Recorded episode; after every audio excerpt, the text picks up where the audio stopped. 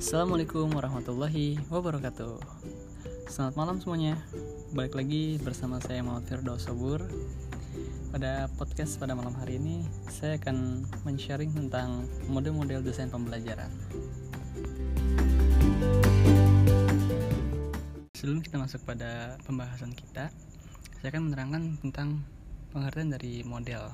Nah model ini mengisyaratkan representasi realitas yang disajikan dengan tingkat struktur dan tatanan dan model biasanya merupakan pandangan realitis yang diidealkan dan disederhanakan.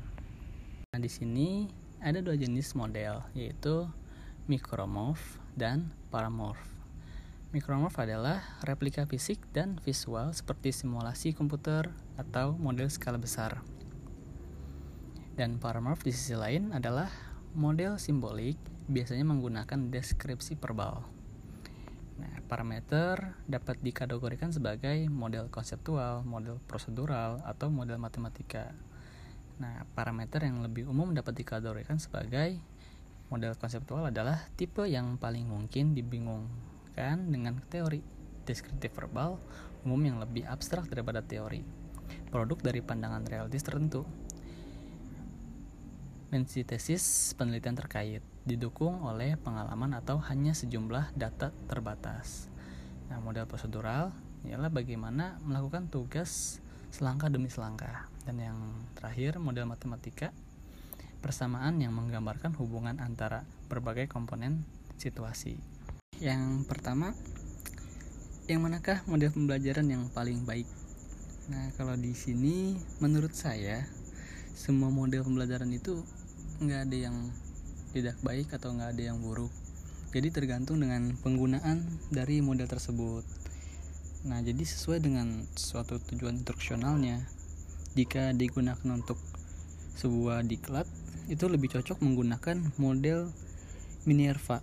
Karena sesuai untuk menghasilkan sistem instruksional yang mengarah pada pembentukan keterampilan kinerja karyawan. Seperti itu selanjutnya itu persamaan proses dari semua model-model pembelajaran ini. Nah untuk tahap yang pertama ialah definisi dan organisasinya. Dan tahap kedua yaitu analisis dan pengembangan sistem.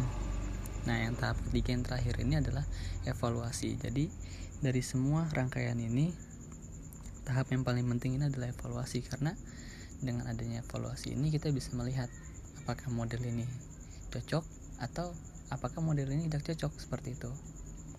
Nah, untuk langkah-langkah atau prosedur desain pembelajaran untuk sistem pembelajaran di masa depan, nah di sini saya mengambil model Dick and Cray. Yang pertama, mengidentifikasi tujuan umum pembelajaran. Yang kedua, melaksanakan analisis suatu pembelajaran. Yang ketiga, mengidentifikasi tingkah laku atau karakteristik siswa. Yang keempat, merumuskan tujuan performasi. Yang kelima, mengembangkan butir-butir tes acuan patokan. Yang keenam, mengembangkan strategi pembelajaran. Yang ketujuh, mengembangkan dan memilih materi pembelajaran. Yang kedelapan ialah mendesain dan melaksanakan evaluasi formatif. Yang kesembilan, merevisi bahan pembelajaran dan yang terakhir ke-10 mendesain dan melaksanakan evaluasi submatif. Oke teman-teman, sekian materi yang bisa saya sampaikan. Semoga materi ini bisa bermanfaat untuk kalian. Kurang lebih ya mohon maaf. Wassalamualaikum warahmatullahi wabarakatuh.